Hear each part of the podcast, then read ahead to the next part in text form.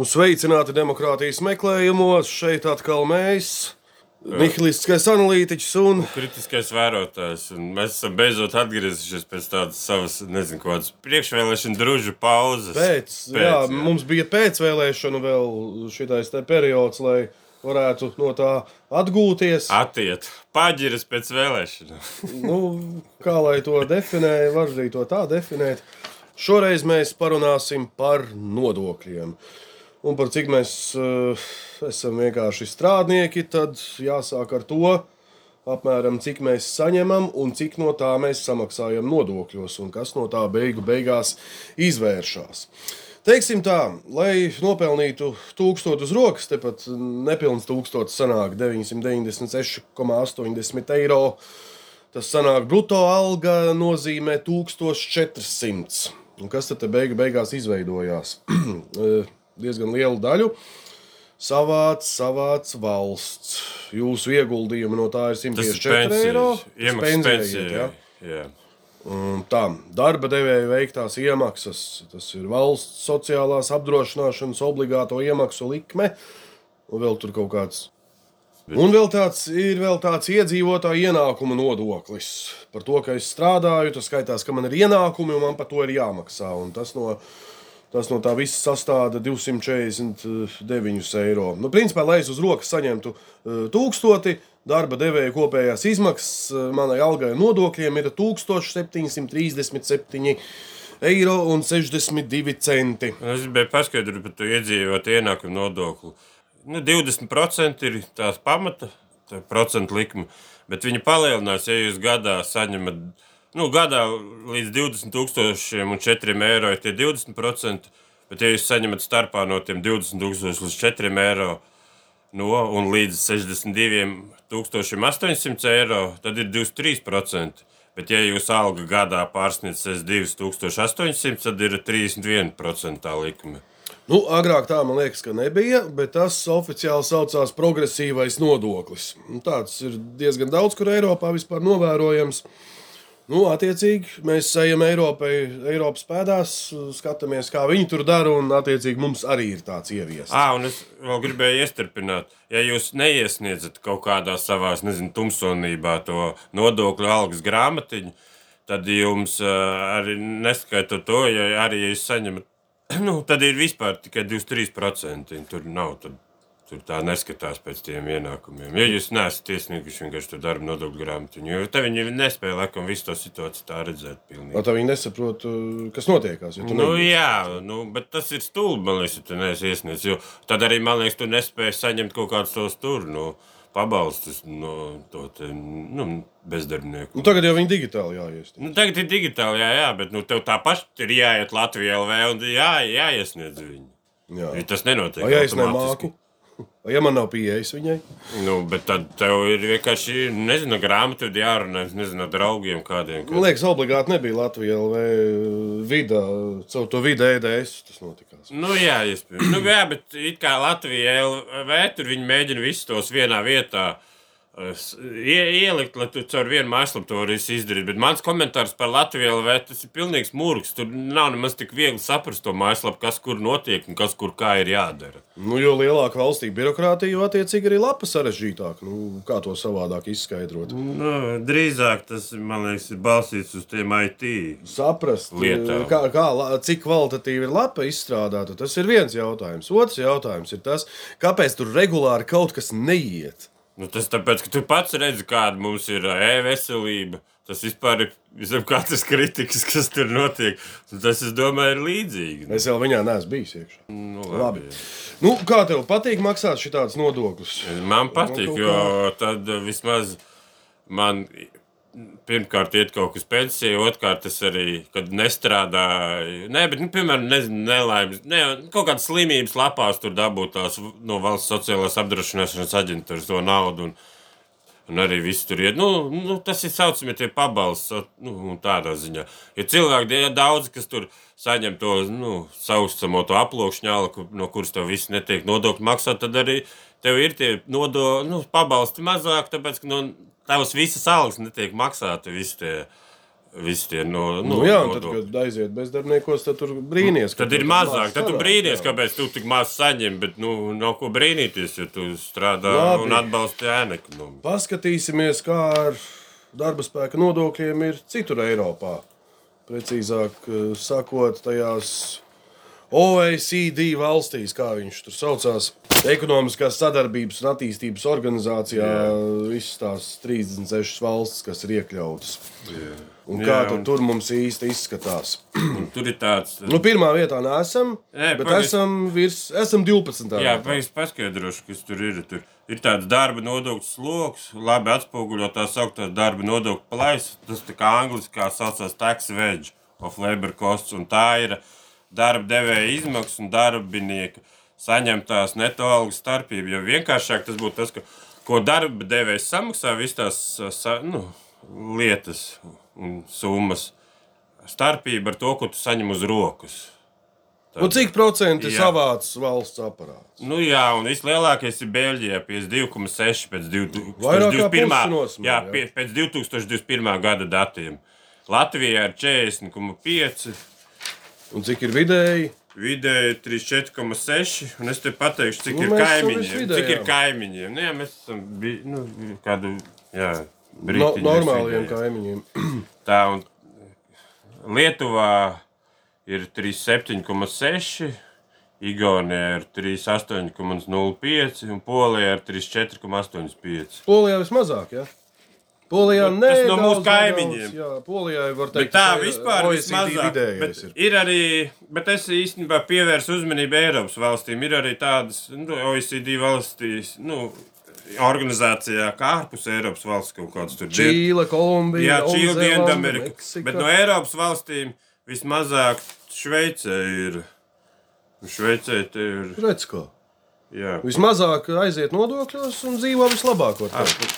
Ā, vēl Šveicē ir. ā, Šveicē ir 22,8. Tā plaisas tas saucamais. Nu, tas, vēl, tas vēl man neliktos tik traki, varbūt. Bet, nu, ir. Ir sevišķi paskatoties Te man nav procentuāli, bet, nu, Čīlē izskatās, ka tur ir labi ja 5% vai kas tur. Nu, tur nav nekas tāds.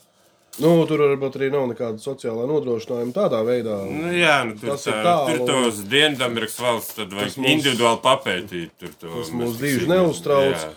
Nu jā, Beļģi ir trakāk pa mums šajā nodokļu kategorijā slauc.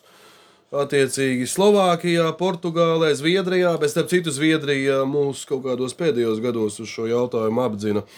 Somija, Ungārija izrādās. À, un es varu pateikt nu, par mums un kaimiņu valstīm, tās, kuras es sīkāk apskatīju, kā ir mainījušies dati no 2019. gada līdz 2022. Piemēram, Latvijai ir mīnus aizgājis 2,1. Lietuvai tas, Tas ir nebūtiski plus 0,4. Tas ir nu, tie procentuāli, cik ir izmainījušies. Jo deviņ- nu, 2019. gadā mums bija 42,6. Bet šogad mums ir 40,5. Nu, 21.. 21. labi. Tik svaigs, svaigs Nu, neatradās. jā, 21. Jā, gadu. Nu, jā, Lietuvai ir 0,4 pieaudzis, tur Igaunija 0,85, Polija ir nokrities mīnusā par 0,75, bet vidēji ir nokrities par mī, nu, 1,4. Nu, tā Vidēji simboliski. dati. kaut Tas ir tā, nebūtu. Tas nav tik tā- plus mīnus ir tāds saglabājums. Nu jā, tie, kuriem iet trakāk kā mums, tā ir Beļģija, Vācija, Austrija, Francija, Itālija, Slovenija un tos pārējos jūs nosaucat. ja, nē, nē, ja vajag, es varu nosaukt to te Francijai, cik te ir, un Vācijai te ir rakstīts. Vajag? Nu, tiem ir vairāk kā mums, paliksim pie Jā, tā. labi. Bet fakts kā tāds, ka uh, darba spēka nodokļi mums kaimiņu valstīs ir mazāki. Un izstāsta pēdējā laikā, ka viņi sākuši dzīvot labāk. Arī Dānijā viņi ir mazāki. Dānijā ir 35,43. jā. Dānijā, teiksim, nu, pastiet, nē, Dānijā atkal ir citi nodokļi ļoti augsti. Bet Mēs šoreiz esam koncentrējušies uz darba spēku, jā, nodokļu. Vismaz iesākumam, jā, īrijā ir mazāk nekā Eiropas vidē. Īrijai ir 33,96. Nu, Islanda atsevišķi stāsts. Bet Īslanda te ir 32,15. Jā, Jā. Kostarika. Labi. Izraela arī mazāk. Izraela arī ir OECD. Izraela. Jā, OECD, Ukraina, protams, nav. Un Bulgārija, Rumānija arī tur nav iekšā. Es tikai atceros, ka uh, Bulgārijai ir ļoti mazs tas parāds. Ah, arī es pareizi. Tā kā paši augstākie nav, bet diezgan augsti ir. Es teikšu, neadekvāti augsti. Tur Jā, vajadzētu varbūt sīkāk papētīt, bet es domāju, nu, nav jau nemaz tik traki. tu jau izstāstīji par to, ka mums ir progresīvais iedzīvotāja ienākuma nodoklis. Viņu ieviesa 2018. gadā. Un Eiropas Savienībā zemākie iedzīvotāja ienākuma nodokļi Ungārijā 15%, Igaunijā 20%. Un uh, abās divās tajās valstīs, piemēram, pēc nav tāds progresīvais ienākuma nodoklis. Tad tur vēl ir tas sociālais nodoklis. Jā. Tas maksāts tiek no uzņēmēja darbības un individu ienākumiem, lai nodrošinātu tās, tur to sociālo aizsardzību. Jā, ja tev tur izmet laukā no darba, tas ir tas valsts sociālās apdrošināšanas obligātā iemaksa. Jā, un kopēji Latvijā 3,5%, no kuriem 24% ar kapekā maksā darba devējs un 11% darba ņēmējs. Viens no zemākajiem no sociālā nodokļiem ir īrijā, tur ir 15% apmēram. Un būtiskākas izmaiņas, kas ir skārušas tos sociālos maksājumus, tās attiecās uz mazajiem uzņēmējiem, tiem pašiem mazākajiem, tiem pašnodarbinātajiem. 18. gadā no 1. janvāra pašnodarbinātajām personām bija jāveic 5%. Un tad Reirs sataisīja tādu lietu, ka no 2021. gada 1. jūlijā tiek pacelts uz 10%. Nu, ļoti daudz bija neapmierināti, un tādā veidā no tādas lietas mums te sastrādāja Reirs. Tā. Uzņēmuma nodokli uzņēmumi maksā valstī peļņas nodokļa veidā. Tas parasti tiek noteikts procentos no uzņēmuma peļņas. Latvijā uzņēmuma nodoklis ir pieaudzis no 15% 17. gadā līdz 20% 18. gadā. Un zemākie nodokļi attiecībā uz tiem uzņēmumiem tieši ir Ungārijā 9%, Īrijā 12,5%. Tā, un jā, mums arī ir tāda lieta kā nekustamā īpašuma nodoklis, ka, par ko daudzi uzlojas pēdējos Jā, gados. atļaušos piebilst. Daudzi vienmēr pirms vēlēšanām sola, ka to vienīgo atcels, kas ir vienīgam īpašumam, bet to neviens izskatās politiskā grība nav. Viņi sola, bet nedara. Nu, tas ir priekšvēlēšana saukļi. Nu, Protams, tas ir Latvijā populārs. tā. Bet, piemēram, nekustamā īpašuma nodoklis netiek piemērots Monako, Lihtensteinā, Maltā. Uh, Igaunijā viņš ir 0,13% apmērā un attiecās tikai uz zemi, nevis uz ēku vai kapitāla vērtību. Jā. Uh, Nīderlandē un uh, Lietuvā viņš arī ir diezgan simbolisks, tāds saprātīgs. 2022. gada 17. janvārī tika piedāvāts atcelt, nu, kārtīgi reizi. Uh, Tie vismaz tiem primārajiem mājokļiem, kuri, kuru vērtība ir uh, 100 tūkstoši, un samazināt. Kuriem tā augstā katestrālā vērtība ir tas no sērijas, kad vecmāmiņai palikusies māja, ir meža parkā, te uzreiz viņai tur ir tāds kosmos jāmaksā, ka nu, pilnīgi jāvāc laukā. Nu, attiecīgi tas priekšlikums tika noraidīts, kā jau mēs to zinām. Tad vēl ir tāds kapitāla pieauguma nodoklis. Tur tas bija augsts, laikam, Dānijā. Nu, to maksā individu un uzņēmumi, ka viņiem pieaug tas kapitāls, piemēram, nekustamā īpašuma, akciju vai obligāciju īpašuma vērtības iet uz Tur ir kaut augšu. kādas robežas. Uh, Tas var būt fiksēts procents no kapitāla vērtības vai proporcionāls ieņēmumiem no tā. Latvijā iedzīvotāju ienākumu nodokļu likme ienākumiem no kapitāla pieauguma ir 20%. Tātad kapitāla pieauguma nodokļu likmes iedzīvotājiem Eiropas Savienībā nepastāv Beļģijā, Luksemburgā, Čehijā, Slovēkijā, Slovenijā. Nu, piemēram, Ungārijā viņš ir 15%, nu, Igaunijā tāds pats. Un tad vēl lieta, kas, pret ko man ir iebildumi, kur, kur mēs esam pirmajā vietā Eiropā, neesam, bet uh, otrā, trešā aptuveni sanāk. Tas ir pievienotās vērtības nodoklis attiecībā uz pārtiku. Pārtika ir pirmās nepieciešamības prece. To mēs patērējam katru dienu. Vislielākais tur bija Dānijā 25%, mums jā, 21% izņemot, kuriem tur Mums... mums, Izņemot dārziņiem, ogām un augļiem, kas ir raksturīgs Latvijai. jā, kaut kādiem vietējiem. Bet, uh, Es atļaušos piebilst, ka Lietuvai arī ir 2,1, bet viņiem nav tāda samazināta. Bet tas PVN, tas ir vispār PVN. Nē, tas uz pārtiku. Es par pārtiku? pārtiku tikai tagad Tu runāju. tikai par pārtiku runā, Jā. bet tas PVN, nu labi. Es beidzu šeit, šeit izcelt tieši, tieši pārtiku. Jo, Tāpēc, tur mums ir samazināta likme. Nu, mu- dažiem augļiem, nu, dažiem produktiem. Nu, tas, ir- dažiem, tas ir tā tīri simboliski. Bet, piemēram, PVN vispār Anglijā vispār nav PVN uz pārtiku. Nu, Un uz sabiedrisko transportu arī viņiem nav. Nu, labi, lai viņiem nav. Nu. Tas ir, jā, tas ir tas, tas, to es vērtēju kā negatīvu lietu pie mums.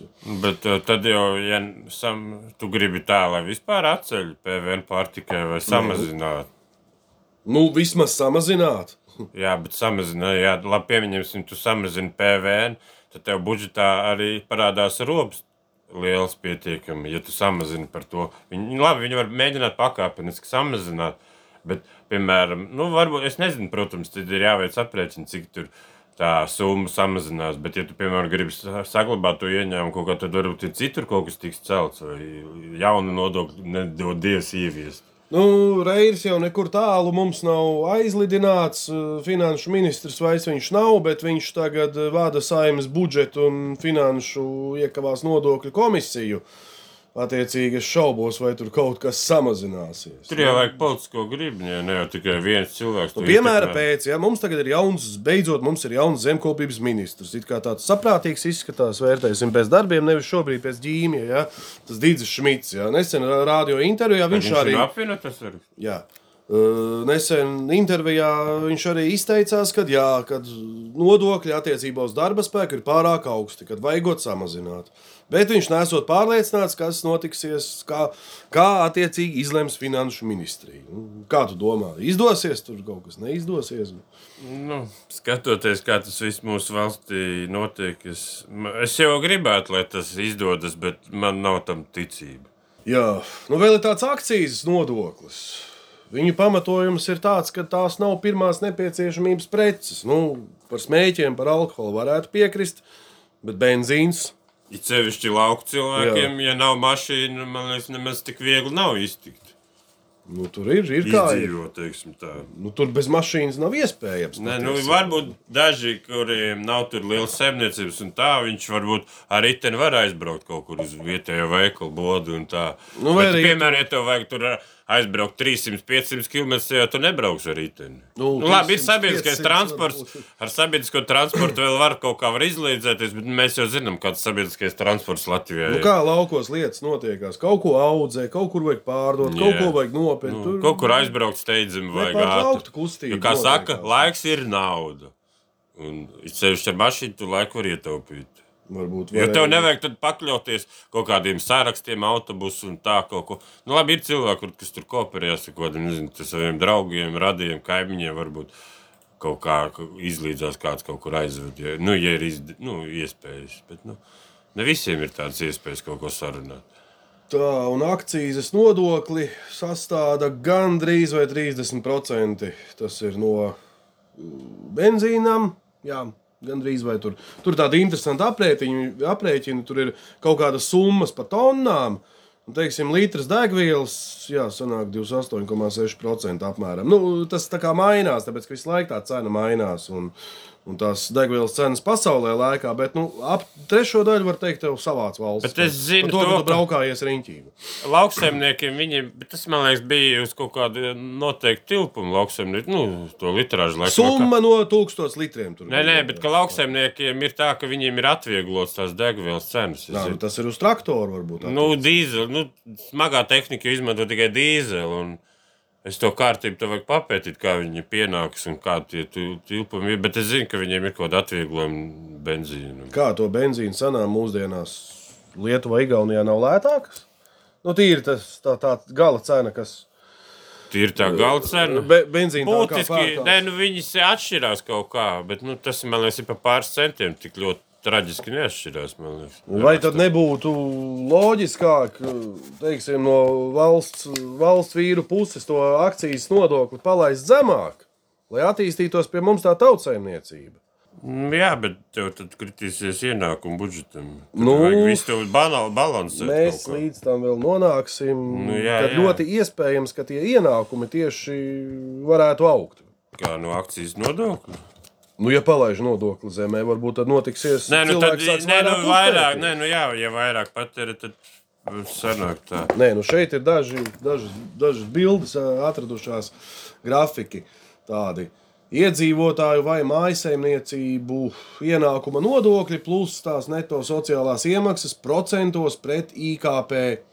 Mēs, mums, mums ir lielākie nodokļi, un mēs esam pēdējā vietā. Tas ir procentos pret IKP. Mums ir 16. Iezīmē koproduktu. Jā. Jā, uh, Lietuviešiem 17, Igauniem 18. Mums ir lielākie nodokļi, un uh, budžetā iet vismazāk. Kāds, kā tas tā var sanākt? Te vēl viens, kā viņš te saucās, nodokļu ieņēmumi. Tagad. Nu, te ir līdzīga situācija. Atkal Igauni pirmie, tie ir vispārējie, nu, visu nodokļu ieņēmumi. Iepriekšējais, ko es teicu, tas bija uh, cik, cik ieiet budžetā nu, no mums, no strādniekiem. Bet no visiem, visiem jā, IKP mums 30,8%, Lietuviešiem 3,2%, Igauniem 3,3%, Eiropā vidēji 41%. Tas ir nodokļu ieņēmumi procentos pret to IKP. Kaut kā interesanti sanāk, jo lielāki nodokļi, uh, jo mazāk ieņēmumu budžetā. Nu, vismaz tas tajā arī- Baltijas valstu, Jā, nē, nu, uz Baltijas bet es atļaušos piebilst, ka Lietuvai laikam, nu, aptuveni, precīzi nezinu, aptuveni 3 miljoni iedzīvotāji, Igaunijā kaut kāds 1,8, laikam bija 1,6, kaut kas tāds, nu, Latvijā kaut kāds 1,9 miljoni. Nu, Nu, tur arī nē, tas nē, ļoti atkarīgs no tirgus lieluma. 1,8, Nu, bet- Igaunijā 1,9. Mums jau Ne, neviens- 1,6, tā teikt. Igaunijā. Mums jau neviens nespiež uh, reģistrēties, ja tu aiz... it kā vajadzīgs. Ja? Bet, ja tu aizbrauc projām uz ārzemēm, tu strādā tajās ārzemēs, uh, tu tāpat skaities šeit. Tā kā es Nu. pieļauju, ka mums tas iedzīvotāju skaits iespējams jau Bet tas jau, ir tikai tad, ja tu nesāc, tu nesāc mēģināt tur kaut kādas pabalstus saņemt, jo vai tad nav tā, lai tu ārzemēs saņemtu pabalstus, ka tev vajag reģistrēties pie viņiem kaut kur? Nu, visiem Jo tie, kas nelegāli strādā, tie jau, man liekas, paliek Latvijā. Jo tu jau arī reāli, ja tu ārzemēs strādā, vai tu tev tā kā arī nevajag tur pieteikties, ka tu tur strādā. Vienu brīdi jau vidam bija uznākusi mode, ka ķers, ķers tos ārzemēs strādājošos un liks viņiem šeit arī kaut ko maksāt. Nu, Tas jau Nu, nu, izklausās pilnīgs nonsens. Bija, bija tāds plāns, bet. Nu, Nē, es zinu, ka dažkārt cilvēki ir sašutuši arī par to, ka nu, tā tāda bišķi atkāpa, tas nav darba nemē, bet tas ir par pensijām. Ka Tev jau, cik, nu, jau pensijas krājās no visiem tiem nodokļiem, ko tu nu, gadu laikā esi maksājis, un tad aprēķini pēc viņiem, tur, viņiem, viņu formulām. Un, un to pensiju, ko tu saņem, tad vēl vienreiz apliek ar nodokļiem. Nu, tagad. Jā, tas, to, to es tev pie, pie, pilnībā piekrītu. Pensiju aplikt ar nodokli. Tu jau esi visu mūžu maksājis. Tos nodokļus. To savējo Tas, daļu. nu, tas tā diskutabls jautājums, bet nu, arī tā dīvaini bišķi izklausās. Jo tu jau tomēr maksā visu mūžu nodokļus. Jā. Un no maksātiem nodokļiem tev tos nodokļus vēl vienreiz apliek ar nodokļiem. Jā, tas tā lai dubultais. Lai es dabūtu uz rokas to aptuveni tūkstoti, eh, man aiziet prom mēnesī 154. A Tā varbūt neņemiet nost man tos 154 mēnesī, un es viņus pats kaut kur nolikšu vai nodzeršu, un tā būs Nu, pilnīgi nē, mana tā- tā, darīšana. tā nevar, tāpēc ka tie nodokļi arī nod, nodrošina tagadējo pensiju tiem, tiem pensionāriem, kas tagad ir pensijā. Jo tad vienkārši neaplikt ar nodokļus ar to pensiju, nu, ko tu saņem pensiju. No aprēķinātā, tas, kas tev tur gadu, pēc tam formulas tur gadu laikā saņems, tad vienkārši to pensiju, nu, pieņemsim, nu, jā, nu, tu tur būtu pirms pensija, nu, tas tā kā alga, zini, bruto un neto, tev paliek tikai bruto. Un, nu, un to bruto arī neaplikt ar nodokļiem. Nu, tādā ziņā tas, ka tā, alga, nu, tā pensija, kas tev ir aprēķināta, neapliek vēl vienreiz ar nodokļiem. Es ceru, ka sapratu. Nu, vienkārši atcelt pensijām, it sevišķi kaut Nodokļus, kādām nu, jā. mazajām. Jā, jā. Es jau tam lielajām kaut ko jā. saprast, kaut gan tas arī ir diezgan tā uh, progresīvi un kreisi. Bet, nu, vismaz tā, vismaz lieciet tās mazās pensijas mierā. Nu, jā, jo ir tas neapliekamais minimums algām, kas ir tagad 500 eiro. un Tad, nezinu, tad vajadzētu vienkārši izdiskutēt, no cik tās pensijas, līdz kurai summai tad varbūt neaplikt viņas ar nodokļiem. Tā Nu, tas būtu tikai godīgi. No yeah. puses. Jā, un teiksim tā, skaitās jā, tas uh, sociālais. Sociālais skaitās tad, lai es eju pie ārsta un it kā man tur lēti. Bet man tāpatām, it sevišķi pie mūsdienu situācijas, jāgaida divi, trīs mēneši. Tas vēl maz laikam skaitās gaidīt rindā pie kaut kāda noteikta Tas, at- tas speciālista. atkarībā no speciālista un ku- kurā iestādē tu to dari. Jo daudziem ir aicina, ir tā, es nezinu, precīzi no galvas, ir mājaslapa, kur tu vari apskatīties. Cik konkrētā vietā, pie konkrēta speciālista vai uz konkrētu izmeklējumu, cik tev ilgi rindā ir jāstāv. Labi, rinda vēl tas ir cits jautājums, bet uh, attiecībā par nodokļiem, ja es par kaut ko maksāju, man ir nepieciešams pretī tas, tas pakalpojums. Pirmkārt, tā rinda, otrkārt, tāpat man tur ir jāmaksā. Vēlreiz man ir jāmaksā. Nu, līdzmaksājumi nav tik lieli. Kā, nu, atkarībā no tā, kurā izmeklējuma, bet ir tāda lieta, ka nu, Latvijā skaitās bezmaksas tā. Uh, medicīniskie pakalpojumi, bet pa lielam ir jau ir attīstījušies arī maksas pakalpojumi, kur ir tie privātie, nu, nu, privātās ir, iestādes. Tas ir jā, tu esi no Bet tā, viņas jau ir attīstījušās tikai tāpēc, ka tā valsts, valsts sistēma jau nav tā labākā. Ja ne, valsts sistēmā viss būtu kārtībā, tad nekāda privātie tur Nu, neattīstās. tie privāti izkonkurē rezultātu. Nu, jā. Labi, bet teiksim, man liekas sakarīgi, ka es to, es to sociālo maksāju. Ja? Pietiekami lielu, ja? ja nebūtu tas sociālais un būtu tikai maksas medicīna. Es pēdējos desmit gadus to doktoru nav redzējis. Man nebūtu problēma tagad arī samaksāt. Jo, ja man nebūtu diezgan pasmaks tas, tas sociālais jāmaksā, es mierīgi aizietu pie tā maksas, un Bet- man būtu, man būtu miers, un man nebūtu ko par to tad jādomā. pensionāri darīt? Viņiem jau tā pensijas maz, un tu, tu gribi vēl, lai viņiem pilnā summa būtu tas, jāmaksā. tas, tas, tam ir jābūt teiksim, izvēles iespējai. Es uzskatu, es par, Aizvēlas par brīvu iespēju, vai jā. maksāt to sociālo Jā, nodokli, vai jā. nemaksāt. jā, tad, Man tad- tas izklausās ļoti krupļojoši. Nē, nu, teiksim, nu, nu, cik, cik gados sāk bojāties veselība? Kā 40, kuram ir nu? cilvēkiem, arī, kas, es nezinu, 20 gados jau ir nopietns skaits. Nu, tā aptuveni vidēji skaidrs. Nu, kā lai es zinu, nu, es pēc sevis vērtēju, man par vēl tik traki nekas nav bijis. Varbūt. Ir kaut kādas, bet nu, ar tām var sadzīvot, un viņas netraucē dzīvot. Es uzskatu, tā, ja es visu dzīvi neesmu slimojis un, un, un nebūtu no maniem vilktinos nodokļi, man nebūtu problēma aiziet pa to dārgo. Bet tagad tāpat ir jāmaksā. Nu, tā viņš man tā, tā ideja nepatīk. Tu nepiekrīti. Jā. Nē. nu, labi, pieņemsim.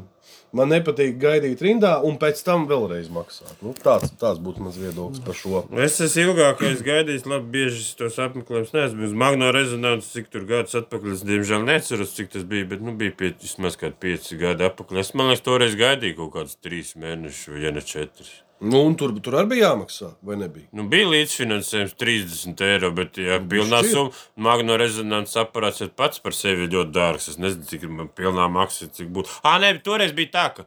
Lai valsts finansējums, jā, līdzfinansējums bija 30 kaut ko, vai 28, nav svarīgi, pie 30 eiro. Ah, ja es gribēju iet kaut kur uzreiz un ātri, tad pilnā maksa man bija kaut kāds 130 eiro. O, šī tā tad. Jā, jā, tā bija. Un Tālāk, ko mēs apspriežam. Nu, tālāk, jā, tā es izvilcis esmu šo to, kāpēc zemi nodokļi būtu loģiskāki. Zemāki nodokļi palīdz uzņēmējdarbībai attīstīties. Tie atstāja vairāk ienākumu uzņēmēju rokās, kurš tos var attiecīgi izmantot, lai paplašinātu savu darbību, radītu jaunas darba vietas. Zemāk nodokļi veicina ekonomikas izaugsmi, jo individiem un privātajām organizācijām paliek vairāk naudas. Šo naudu var izmantot, lai veidotu kapitālu un radītu jaunus darījumus, produktus, pakalpojumus. Tā, tādā veidā konkurējot ar citām organizācijām un individiem. Tas savukārt tirgū rada plašāku izvēli un labākas kvalitātes iespējas.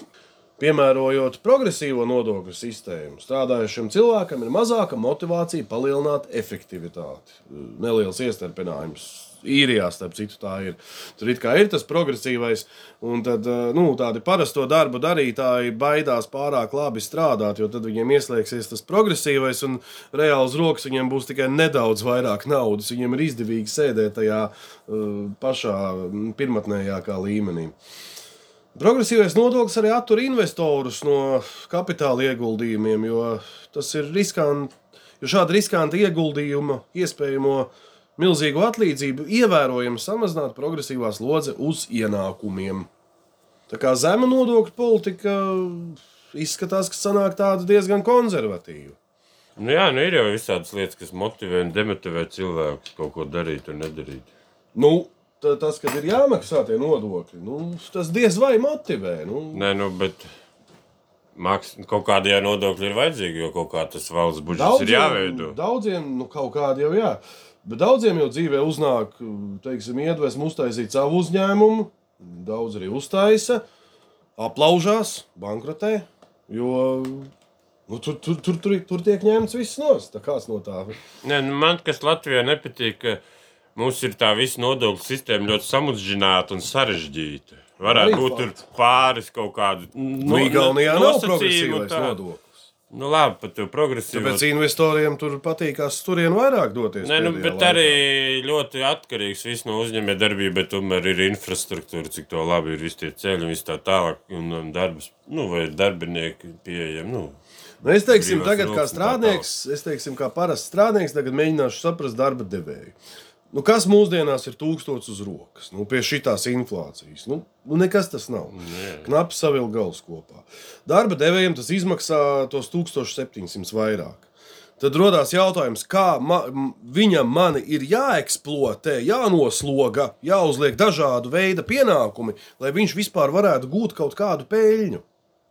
Nu, viņam ir jābūt efektīvam, jākonsolidē savs budžets, nu, efektivitāte jāpalielina. tādā- Teiksim, ja tie darba nodokļi teiksim, nebūtu tik traki, viņš varētu pieņemt vairāk darbiniekus. Vai arī ieguldīt eh, kaut kādās tehnoloģijās, pieņemot kas- vairāk darbinieku, jau arī iespējams nav tas izdevīgākais, jo tad viņam ir vairākiem cilvēkiem vairāk algas jāmaksā. Ja viņam ir izdevīgāk, ka vienu to pašu darbu dara mazāk cilvēku. Nu, protams, bet uh, strādnieks rezultātā tiek noslogots, pārslogots. Mūsdienās, Izdeg, ja. Nu, jā, mūsdienās ir diezgan liela popularitāte ieguvis tāds jēdziens kā izdegšanas sindroms. Un, un tas nav tikai kaut kāds milēnijāļu slinkums, kā izrādās. Jā. Kā, kā man Nu, agrāk arī jau šķita, kaut jā. kādu uzņēmēju, es domāju, arī var izdegt un viss, kas Nu, tas ir. jā, katra cilvēka Ne jau, individuāli. ne jau, nu, man liekas, tas ir, tas ir ceļš tieši mazos vidējos uzņēmumos, kad uh, tas galvenais ne, ne tikai pilda savu to galvenā funkciju, bet viņš arī, arī pilda ļoti daudz funkcijas rezultātā, lai, lai kaut kā sataupītos, lai vispār kaut kā izdzīvotu. Nu, Teiksim, ja atvieglotu darba spēka nodokļus, varbūt tas viss kļūtu loģiskāk. Tātad, un kur tad viss šitais viss aiziet? Tas aiziet, aiziet valstī, un, un, un, un, un ko tā valsts visu šito dara? Ja? Nodrošina mums nekvalitatīvu medicīnu un tā tālāk. Un Nu, Nē, valdības es teikšu, medicīna ir kvalitatīvi pietiekama, bet nu, viņai tā sistēma, tā nauda netiek, man liekas, kvalitatīvi ieguldīta. Nu, jau iespējams, ka tur Nu, ja viens pērk, ja viens pērk gultas par uh, tūkstošiem mentajiem, ja, Covid gultas slavenās, nu, protams, jā. ka tā ir izšķērdība. Tas, jā, protams. To vajadzētu būt arī kaut kādai Ja mums jau notiek visādas tur retas, šad, tad visādas operācijas, tā tālāk. Es neteicu, ka tie ārsti būtu nekvalitatīvi. Vienkārši viņiem tas atalgojums ir pārāk mazs. Nu, Nu, Labi, bet tā nav šodienas tēma. Mums tagad ir. Tātad, kur tas viss aiziet? Jā. Latvijas valdības izdevumi 2022. gadā sastādīja 43% no IKP. Nu, it kā daudziem citiem tu izdevumi tur pieauga dēļ Covid, jā, mājās jāsēž, tur badā neļaus nomirt. Kā, jā.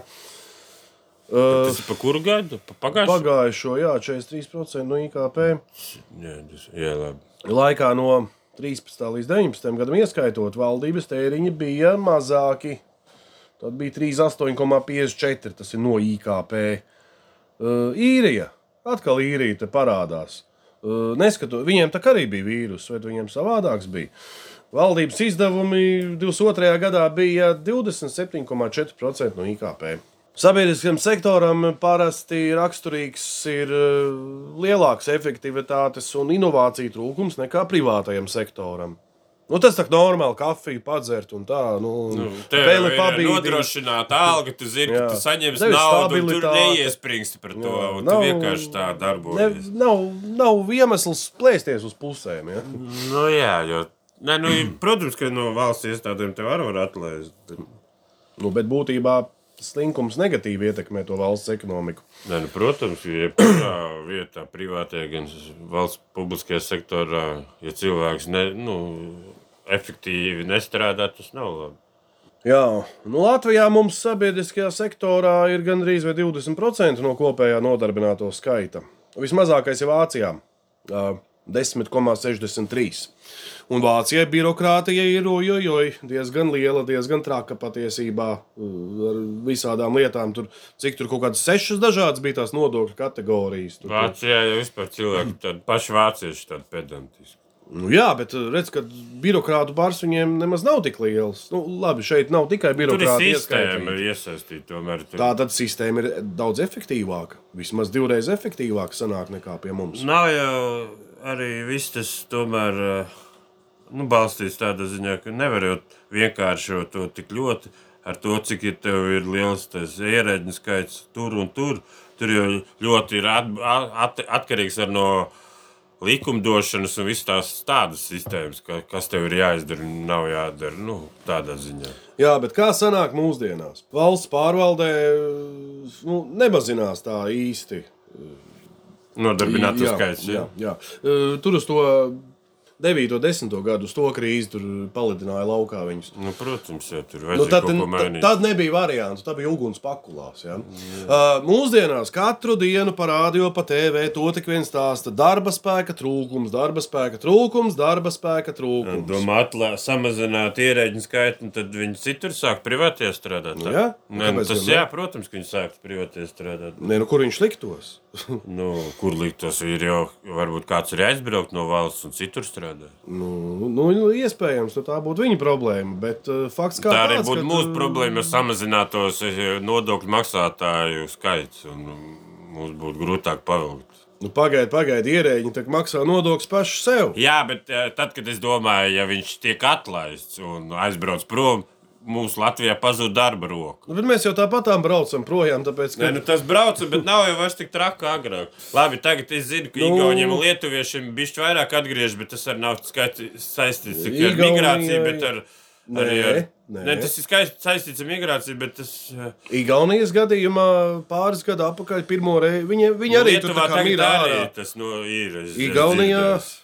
Pa Lietuvu es nepateicu. Lietuvā brauc iekšā ārzemnieki. Un, Nav, ne, ne jau ārzemnieki, nu, kaut kāda atgriežas, gan jau arī kaut kāda viesturādnieki iebrauc. Un Latvijā jau ir kaut kāda viesturādnieki. Ir. Latvijā kaut pāris gadus atpakaļ kaut kas tur mēģināja samazināt to birokrātiju, ja viesturādnieki iebraukšana, bet, protams, kaut kā nacionāli visu to nobremzēja. Nē, nu, tā- tādam birokrātiskam slogam, lai, teiksim, Ukrāņi atbrauktu lauksaimniecībā, pastrādāt uh, uz vasaru, es uzskatu, ka absolūti nebūtu jābūt. Jā, nu, jebkuri citi. Nu, Jā. protams, jebkur citur, jo tādam sezonālam darbam ir vajadzīgs rokas, bet nu, Latvijā Es- to mēģināja darīt, eh, bet nesanāca. Nu, nesanāca. Kāpēc nesanāca? Nu, tāpēc, ka griba? politiķi to nobremzē, nu, viņiem. Bet, nu, tas kā Latvijai ir ļoti aktuāli. Jā, bet Trūks kas ir- darba rokas, bet es neredzu, ka kāds tur mēģinās šo problēmu risināt. Es uzskatu, bet es, tā pašā laikā es uzskatu, ka tas darba roku trūkums patiesībā ir kaut kāds mīts. Cik es dzīvoju pa to Twitter un cik ir lasīts. uh, Nu, nav tā, ka tevi visur ņem ar atklātām rokām. Ir tāpatām tā, Kuru katru muļķi jau neņemšu katrā Nē, pozīcijā. cilvēki, kas uh, tēmē uz nopietniem darbiem, kuri grib panākt karjerā kaut kādu izaugsmu, viņi kaut kādu savu laiku ir nostrādājuši. uh, Savā kaut kādā nozarē grib kaut ko mainīt, un nemaz tik vienkārši nav kaut ko labāku atrast. Es nezinu, kur, Nē, nu, kāpēc protams. tas narratīvs tiek tā ļoti izplatīts. uh, Visur atkārtošos, visur to tik vien dzird, ja, ka darba, spē, darba roku trūkums tādā darba roku trūkums tur jau vajag paskatīties, vai darba roku trūkums vairāk ir tajos kvalificētajos darbos vai maz kvalificētajos darbos. Jo, piemēram, nekurš katrs jau arī pa grašiem gribēs strādāt. Tur jau tā lieta, ka pa grašiem.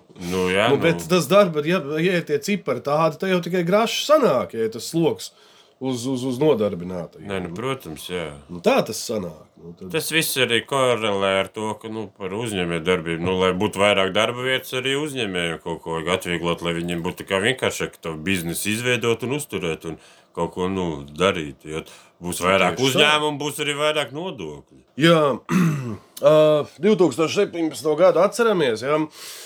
Tad tika apstiprināts tāds valsts pārvaldes reformu plāns.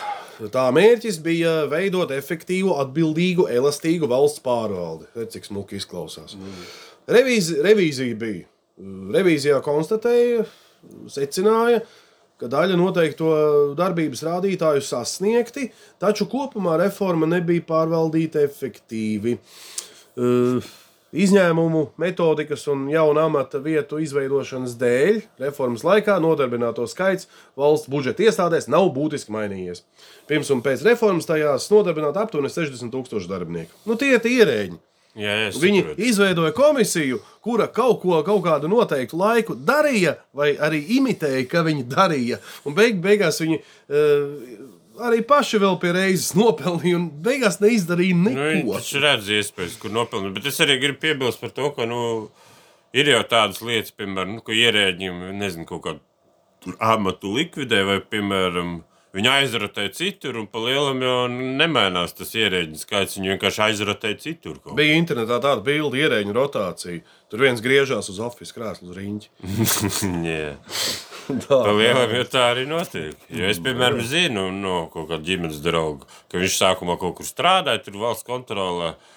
Nē, nu, valsts iestādē tur kaut kādā. un tad Viņa... Kontrole nav nemaz tik slikta. Nē, iespēja. valsts kontrole ir normāli, viss, bet nu, viņiem ir tikai rekomendējošas eh, funkcijas. Viņi nes, ne, nevar uzlikt nekādas sūdzības. It kā kaut ko kaut ko tagad pamainīja, bet Ne, vēl nepamainīja. Man vēl liekas, vai mēģināt. spriež, domā. Nu, jā, domā, bet domā, ir tā, ka nu, valsts kontrole tikai rekomendācijas sniedz, un te jau tas nav obligāti tā Viņi rekomendācija jā, jāizteno. Tas ir vispār vesels atsevišķs temats. Viņi ik pa laikam atklāja kaut kādus cundurus. Un... Nē, nu, jā, protams. Bet, eh, Bet tālāk nekas nenotiek. Vienu Tāpēc, ka viņiem jau ir tikai rekomendējošas funkcijas. viss. Nu, viņiem nav. Tev, jā. piemēram, atnākt uz ielas un pateikt, es tev rekomendēju, re, kur iet stabā. Tu taču eh, neies stabā.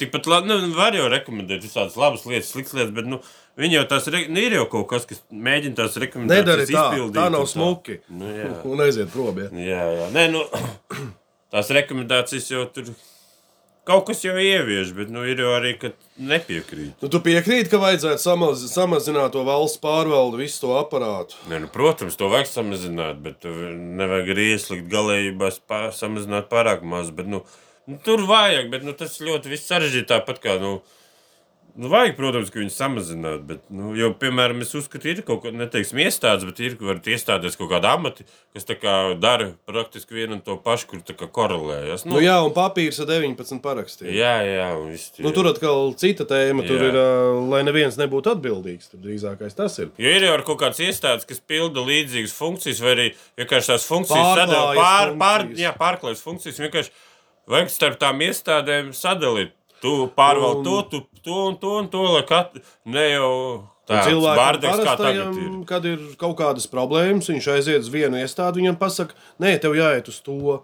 Un tā numur divi viņa aizsūta uz trešo. Nu, tas Un tā vēl saucamā beigās- futbolēšana, kad Un- to un no vēl vienas beigās- sūta pie otra un beigās atsūta pie pirmā atpakaļ. Varbūt tas kaut kur. vajadzīgs? Nu, tas nav, protams. Nu, kāda vēlme man ir ā, maksāt nodokļus, ja, ja, ja notiekās tā futbolēšana, tā saucamā? Mazākas valdības pazīme, tas, tas būtu tiesiskums. Dažādu nesamērīgu regulāciju un ierobežojumu nesamība valsts ekonomikā. Izvairīties no šīs futbolēšanas. Jā, it kā nu, šitam es tā baigi nepiekritīšu, ka tas rādītājs ir pētniecības institūts, kaut kāds Heritage Foundation, tur izveidojas ekonomisko brīvības indeksu. Bet tie uzvarētāji valsts nav nemaz tik nesakarīgas. Vadoties pēc indeksa, visbrīvākā ekonomika Eiropas Savienībā raksturojumu brīva ir īrijai. Reitings 82,0, Igaunijai 80. Mums tur kaut kas 70 ar kaut ko bija, bet uh, nepārkāpja to latiņu, no kuras skaitās, kad brīva ekonomika. Tā kā kaut kā daļa taisnības tomēr tiem pētniekiem būs. Jā, fiskālā disciplīna, valsts parāds. 2022. gads, Igaunijai 24% no IKP, un mums vairāk kā divreiz vairāk, 57% no IKP.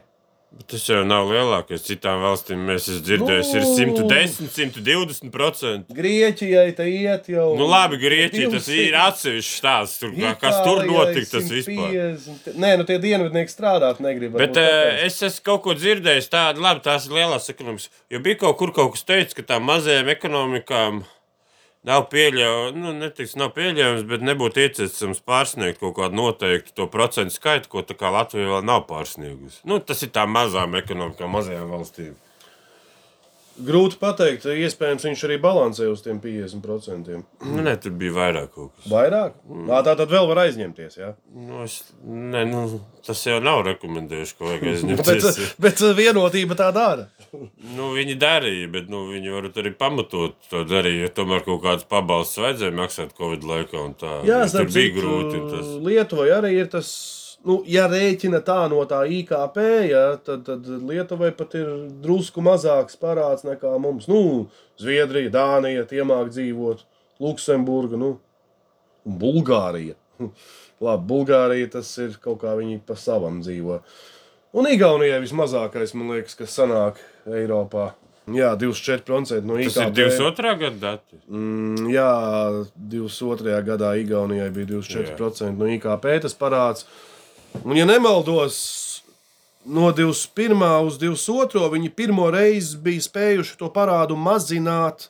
Bet A, es ko, tev- dara, a, ko dara mūsu valdošie zem nosaukuma vienotības? ko- Aizņemās un aizņemās. Es tādu piebildu varu pateikt, kas kā ārpus mūsu temata, ko es esmu dzirdējis. Ka, nu, zinu, kā latvieši vienmēr saka, tur vai kam tur citiem ir labāk nekā pie mums tā, bet es, nu, es esmu dzirdējis, ka viens cilvēks tā teica, ka Igauni arī ik pa laikam saka, ka pie Latvijā ir labāk nekā pie viņiem. Nu, tad ir jānoskaidro, pa kādām nozarēm viņi tā saka. Ir, ir kaut kādas varbūt specifiskas lietas, kur Nu, tiešām jā, tā ir. nu, bet parasti Jā, tas, ka mums- Latvijā tas viss ir tā vispārnāt teikts. Vismaz kā es esmu ievērojis. Nu, bet šeit ir. Šeit, šeit, šeit, Nē, nu, es šeit tas pieļauju, ka mēs specifiski. nosaucām arī faktus, kāpēc tā ir. Nē, nu jā. Tālāk tev kaut kas tur ir piebilst. Nu, jā, tas IKP Igaunijai arī mazākai valstī, kā mums IKP ir. Tas ir uz vienu cilvēku. Uz vienu cilvēku tas IKP 21,000 ar, ar, ar kaut ko, un mums ir 16,000 ar kaut ko. Rīgā, starp citu, IKP uz vienu cilvēku skaitās 25,000. Tātad mums tie, mums tie reģioni, tie lauki smagi pavelk uz leju. Protams, nu, Jo viss jau koncentrējās Rīgā. Jau ir Puse tāda populācijas mono, dzīvo monocentriska valsts, Rīga un. Pierīga. Nu, Tas, Nu, monocentrisks tas jau tas pats ir. Man. nu, labi, kā tas aizgāja, tas iespējams padomu laikos aizgāja tā. Nē, nu ir jau kaut kāda valmiera, kur arī valmiera daudz maz attīstījusies. Nu, viņi kaut kā pa savam, protams. Un liepā jau arī nemaz, un kaut gan viņiem sabruka liepais metāls, tur tomēr viss, kas ir radies. Tagad tur ir daudz. Nu, jā, tad bija viņiem, var teikt, tāda lokālā krīze, bet nu, tagad ir. Viņi tam tikuši pāri. Ostā tur kaut kas notiekās. Kā, jā. Ne tikai ostāt, nu, bijuši metālurgi vietā, nu, kaut kas Nu, tur ir milzīga ka visas teritorija. dažādas ražotnes ir radušās tā. Tur ir milzīga Tur jau tā teritorija. lauma ir, tā arī, man liekas, liepā, jo ir tā apakšveļas. Laumai, man liekas, ražotne. Viena no lielākajām mājām Eiropā. Nē, tīri Es, tas ir ražošanas pasaule. Es zinu šo faktu, es tev varu viņu paskaidrot. Tas ir ā, Jā.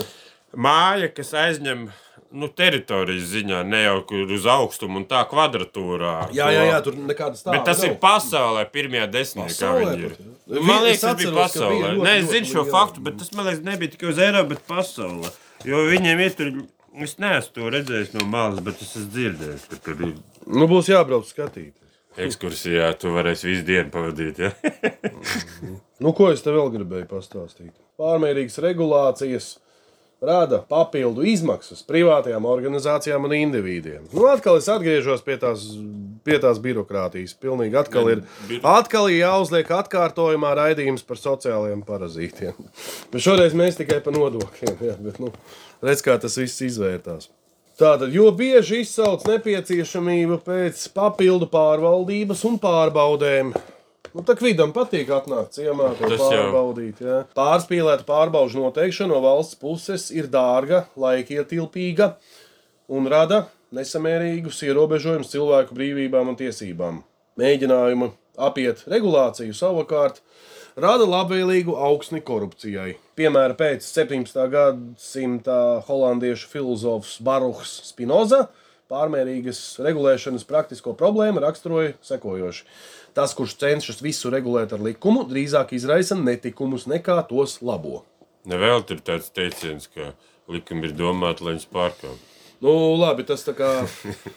Bet saprotiet, ar, ar, tiem, ar tiem augstajiem nodokļiem, ar to birokrātiju, no individa provocē to, ka viņi iet ēnu ekonomikā. Ja? Nē, nu, Tev, man liekas, nepatikās strādāt uzņēmumā, kurš Jā, nekā- Visu simtprocentīgi Bet es gribēju nemaksā. piebilst par to pārbaudēm, visu to, ja tur jau arī tā pārbaudījuma savas pašizmaksas. Nebūtu tik daudz pār, nu, pārbaudas, tad nebūtu tur tā jāieguldās tādā ziņā. Ja tas nu, prasa gan laiku, gan resursus, gan visu. Es Bet, kā- nu, protams, kaut kādas pārbaudas vajag un kaut ko kontrolēt. Nevar tā visu palaist pašplūsmā. nu, protams. Bet nu, to vajag arī sakarīgi. Nevajag pārlieku pārspīlēt ar pārbaudēm. Jo vairāk birokrātu, viņi varbūt ir kaut kā jānodarbina. Un tad viņi nodarbojas ar, ar kaut kādām liekām Nu, darbībām. jā, jā. Nē, nu, tu tad sāki teikt, Tu jā. esi pagadījies, strādājis kaut kādā uzņēmumā, kad atnāk ciemā pārbauda no vida. Jā, nu es esmu pārsteigts, pagadījies. Jā, un tādu visu dienu tur, bet pārsvarā dragā pa grāmatvedības papīru. Protams, viņi jau par nodokļiem atbild šī iestāde. Un tur atnāk kaut kādas tantes, jā, kuras vispār nesaprot, ar ko tas uzņēmums nodarbojās. Nu, Nu, viņiem jau vienalga, ar ko tas visu. uzņēmums nodarbojas. Viņiem galvenais ir grāmatvedību pārbaudīt. Jo grāmatved, jo valsts ieņem dienas, nu, viņš ir ieņēmuma dienas, nu, jo no kurienes rodās valsts ieņēmuma no, no, no nodokļiem. Un nodevām kaut kādām, es nezinu, kas vēl, nu, vēl kaut kas Nu, tas ir. vids, atšķirībā no Igaunijas, tiešām uzvedās tā kā gestāpo. Nē, nu, tam. ir tā, nevēl tas dažkārt šo iestādi sauc par valsts atņēmumu dienestu. Kā domā, tajā vidā pašā iekšā nenotiekās korupcija? Un, protams, ka notiek Netiek. kas ik pa laikam, visādi skandāli tur notiek. Nu, kā tu komentē to, ka reiz izmet ārā jaunzem un jaunzem atkal ierotē apakaļ? Es teiktu, tas nav tas sliktākais, tāpēc ka nu, nemaz jau tik daudz nav tādu kvalificētu cilvēku, kas varētu šo amatu ieņemt un strādāt. Un es vispār nezinu, nu, es gribētu vienkārši dzirdēt tos rēra pamatojumu, kāpēc viņš viņu atlaida. Nu, Kaut vai, ko, ko viņš tur aizrotēja. uzodis, un, un tad vēl Reiram nepatikās, ka kaut kādi uh, valsts, uh, valsts uzņēmumu tur galvenie cilvēki atrodas kaut kādā biedrībā. Un tālāk arī viņš tur kaut ko nopukstējās, un tālāk arī nekas tur netika risināts. Jo tā birokrātija ir lielāka, jo tie korupcijas riski arī ir lielāki. Un, un par cik ir knaps tiešajā, tiešajā pārvaldībā no tā ministra kabineta, nu tā savējiem rokā nekodīs. Nu, Kā iespējams, iespējams. Bet es tev varētu piebilst arī to, ka korupciju, man liekas, arī veicina tas, ka cilvēks saņem mazu algu un viņš ierauga kaut kādu iespēju kaut kur dabūt to naudu tādā Loģiski. koruptīvā veidā. Un tad tur arī tas viss Tas ir, tas ir, rodās. saproties, ja tu esi tāds pilnībā nodrošināts, tev pa lielam nekā netrūkst. Nu, tu tak neies savas rokas smērēt gar kaut kādiem mēsliem. Bet jā. ir jau ir tādi ļoti mankārīgi cilvēki, viņi redz, ka viņam Nu. ir nauda, un viņš grib to naudu audzēt līdz nesamērīgiem lielumiem. Sev.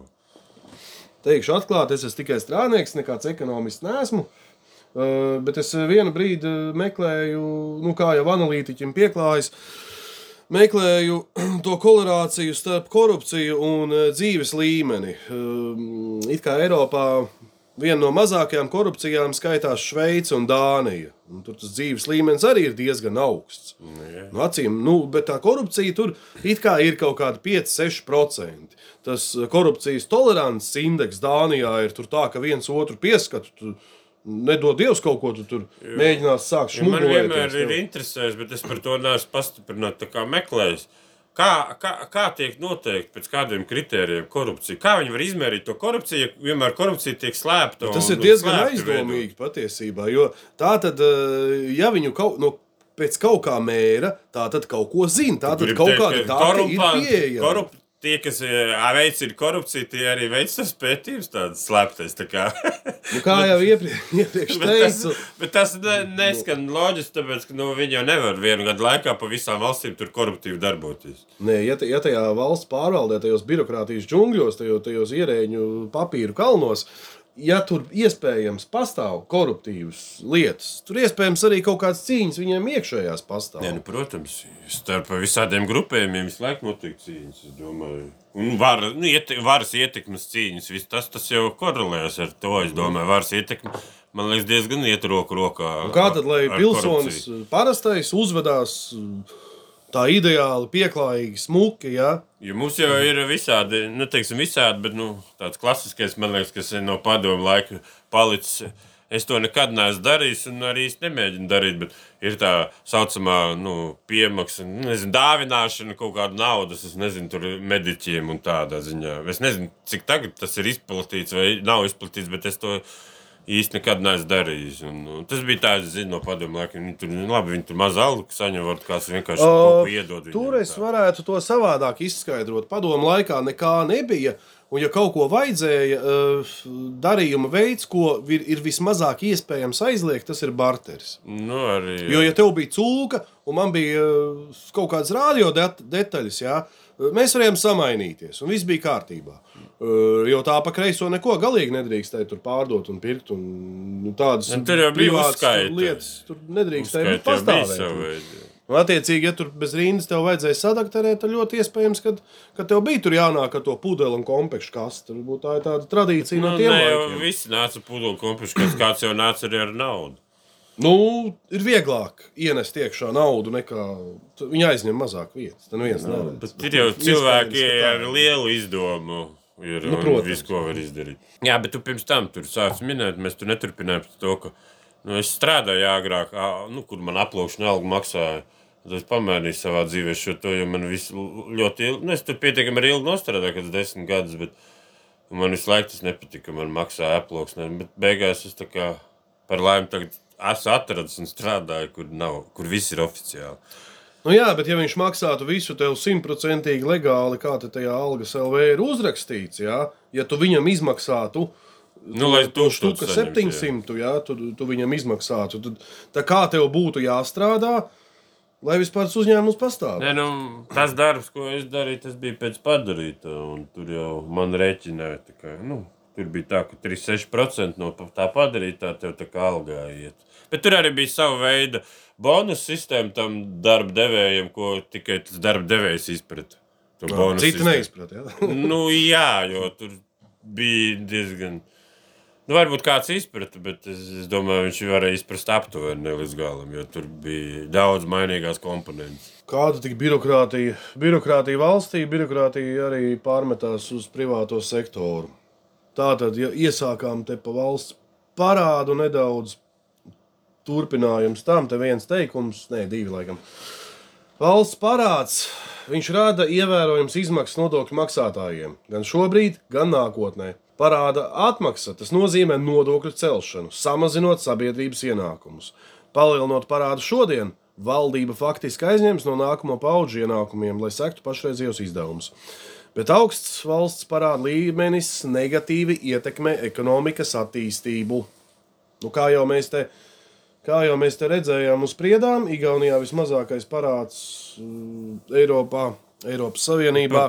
Viņiem iet lietas uz augšu, lietuvieši nedaudz virs mums, un arī viņi mūs ir apzinuši. Kaut kā tā. Manējais secinājums ir tāds, ja, ka uh, plutokrātiskais sociālisms nevar nemaz pastāvēt bez lieliem nodokļiem. Var jautāt. Nu, tas ir par plutokrātismu. Jā, Nu, tas ir ir, kad ir vāra ir koncentrēta atsevišķu individu rokās. Savu veidu kliķē. Jā. Jā, tā ir tāda teikt, savu veidu kliķa. Kas to kliķi izraisa savā ziņā, jo pilsoņi paši ir vainīgi ar savu zemo pilsonisko aktivitāti. Nu jā, Labi, šoreiz vēlēšanām aizgājām nedaudz vairāk. Nu, jā, bet salīdzinoši, cik tas bija? Pie, pie, ap 60% vai 50%? nu, cik tur? 60 ar kaut ko tur aizgāja. Nu, jā, nu, bet tas tomēr tā ir sanāk, nedaudz vairāk par pusi sabiedrības. Es, Nē, nu- es teikšu tā, ka, nā, labi, tas, protams, ir ka labi, ka pieaug un tā, bet, nu, vajadzētu jau būt, man liekas, vēl lielākai aktivitātei. Nu, man tā liekas, ka valstis, kur iet visi, tur arī ir ā, kaut kā bišķi savādāk. Tas es dzirdēju, ka Beļģijā vai kur, bet tas, man liekas, bija Beļģija, ka tur it kā ir obligāti, bet tur tāpat kaut kā 90, cik tur tie procenti ir novēl. Nu, tā vienmēr atradīsies, kuriem ir viena alga. Nu. Jā, vai grūti aiziet. Jā. Kā domā, kaut kas mainīsies tiem nodokļiem tuvāko četru gadu laikā? Man, man ir diezgan Nu, viņiem pesimistisks jau prognozes. īsti nav. Es neesmu dzirdējis tādu politisko gribu, tā, ka mainīt nodokļus. Drīzāk, kā jau Latvijā mīl, varbūt kādas nodokļus. Nezinu, vai pacels, vai radīs jaunas nodokļus, Nu, bet nu, ne jau jau- samazinās darba ņēmēju nodokļus. Daudz jau kaut ko prasīja tam reiram. Nu, Satais kaut ko tur budžetā savādāk, lai mums arī tiek. Viņš nē, nē budžetā nav naudas. Bet, e, vienmēr jau visi gribēs vairāk, un tas e, finanšu, es vispār neapskaužu, un nekad negribētu iet strādāt par finanšu ministru, tāpēc, ka nu, visi prasa naudu, bet e, reāli tā nauda ir tik, cik viņa ir. Un, uh, tur vienmēr kāds būs apvainojies, nezinu, vai apbižojies. Es nezinu, tā tālāk. Nu, es palikšu pie, pie uzskata, ka zema nodokļu politika tomēr var, varētu attīstīt ekonomiku. Protams, protams. Cevišķi, ja mēs esam bet to, kur tos esam. nodokļus samazināt vajag pakāpeniski. Nevienā eh, naktī tur izlemt krasi viņus samazināt. Nu, Latvijas bankas tur vienam svarīgam ekonomistam, viņam arī ir pretarguments uh, pret maniem, varētu būt diezgan liels, kad inflācijas apstākļos to galīgi, galīgi nedrīkstētu darīt. Jo, it kā, teiksim, viņi tur spriež, ka varētu paņemt inflāciju. nost, paņemt nost nodokļus, atvieglot no darba spēka, bet tai pašā laikā viņi grib likt tad, tad kāpināt PVN. -u. Un, un, un, tā tiecīgi inflācija uzaug. Nu, Atkal nav labi. Nu, Tāds ir kaut kur jau viņiem jau vajag rast tos ienākumus. Tiem ienākumiem, kas kā zūd no kaut kāda nodokļu samazināšanas. Un visvienkāršākais jau, protams, ir ienākums palielināt kādu nodokli, paceļot vai radot jaunu, bet A, to jau var dažādi veikt. Jo vai, nu, es tāds arī neesmu ekonomists, protams, nav nekāda tur ekonomista izglītība un tāda. Kā sauc, nu, mums tas ministrs no ZZS, bet tagad jau viņš ir apvienotas sarakstā. Ministra prezidents. Nu, Kučīnskis. Viņa nu. laikā jau bija tā reforma. It kā jau tie reformas, tie sākotnēji plāni bija ļoti skaisti un forši un jauki, bet kā jau vienmēr diskusija ceļā, tur kaut kas tika mainīts, un tā jau vairs tā reforma vairs tik pievilcīga nebija beigās. Bet tās reformas rezultātā arī izvērsās, uh, izvērsās Latvijam par ļoti svarīgu datumu, 1. marts, Nā, tur kad, ir nodokļu kad tiek uzkarināts uh, vidu portāls. Nu, jā, bet tur jau arī tomēr daļai ir jāpiemaksā par kaut ko. Nu, bet tas arī man nav saprotams. Viņi tur rēķina, viss ir, viss ir sarēķināts, ļoti smuki, ļoti skaisti, un man vēl pēkšņi kaut kas jāmaksā. Nu, Es arī to sākumā to uzreiz nesaprotu. Bet nu, tur ir savs pamatojums droši vien. Bet nu, es zinu, tagad, ka vajag atķiksēt to, ka, lai neaprēķina to neapliekamo minimumu, tad tās problēmas samazinās ar to, ap- ap- ap- ka tev valstī ir jāsamaksā. Tev gadījumā vienreiz nebija viens cents jāmaksā valstī. Tas man liekas, bija divi gadi pēc kārtas. Divu gadu pēc kārtas viens cents. Nu, jā, nu, bet es arī nesaprotu, par ko tas centrs tur ir. Tas tiešām ir vienkārši unikāls gadījums. Nē, nu es domāju, es neesmu vienīgais tāds. Varbūt nāk, nākamajā gadā nebija viens cents, tur bija pāris cents, bet nu, būtība pēc tāda, nu, kas, ko, ko tas cents viņiem maina. Divi vai viens. Jā, tev bankā komisija lielāka, lai pārskaitītu to vienu centu. Nē, nu īstenībā man tur komisija bankā arī bieži vien nav. Nu, daudziem skaitu. ir atkal. Nu, varbūt man ir tas, ka es tur kaut kādus divus eiro maksāju mēnesī, un tad man tur ir bijušas citas lietas. Bet ir tā, ka nu, man jau vienreiz būtu jāmaksā bijis kaut kādi 150, nezinu, vai 130 eiro, bet es biju gājis val- mācības piegušiem LV. Par laimi tajā gadā iestāties, man vajadzēja maksāt to naudu. Un, eh, tur var naudu atgūt arī nu, par iz, izdevumos, ties attaisnoties par izglītību. Un tur ir Jā, es arī Un, ja es nebūtu tajos kursos gājis, man neierēķinātu to kursu maksu, man būtu bijis jāmaksā. Jā. Jā, Tu vēl strādā, tu jau tā maksā, un tev vēl ir jāmaksā.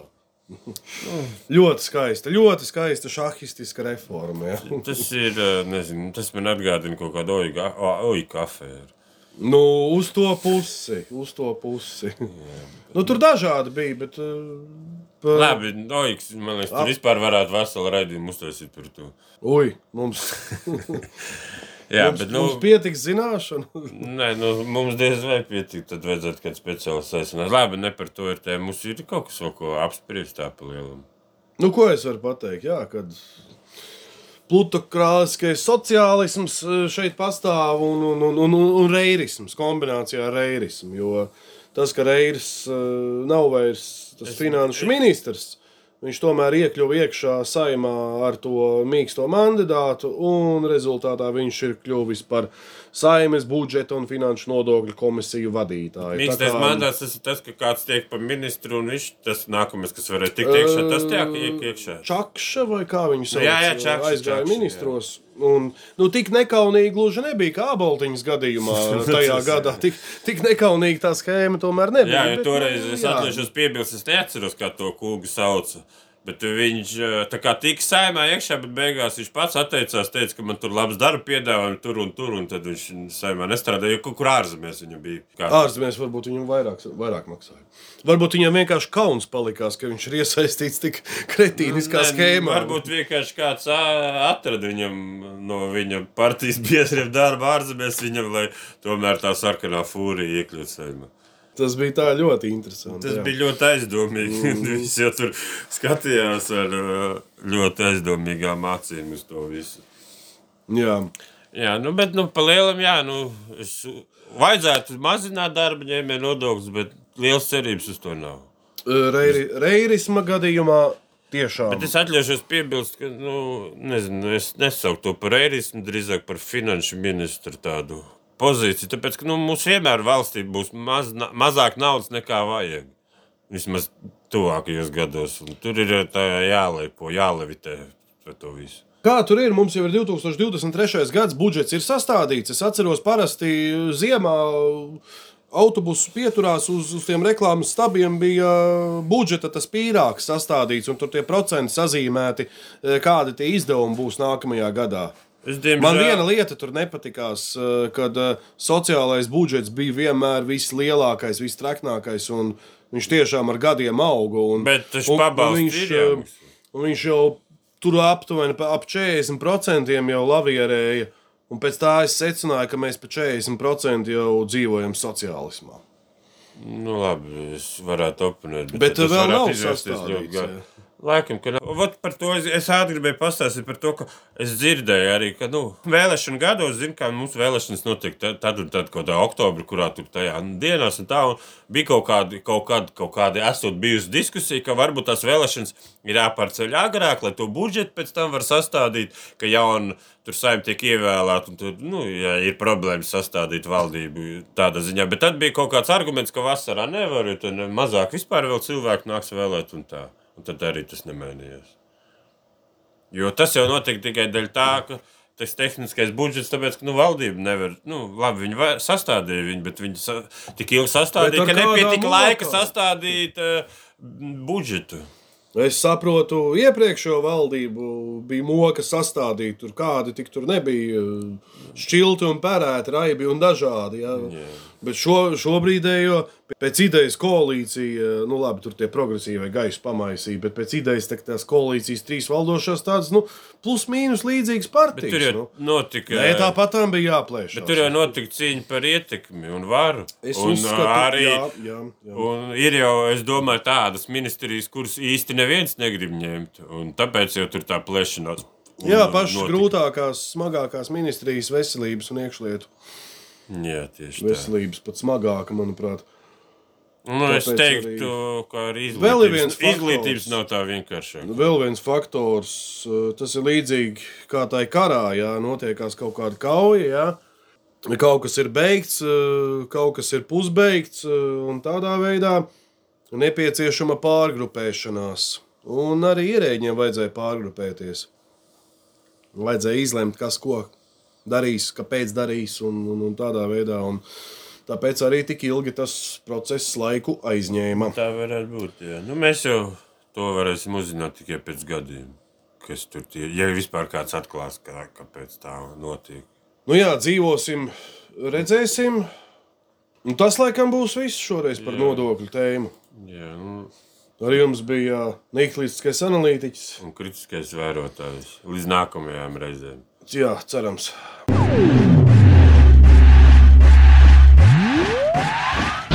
Demokrātijas meklējumos.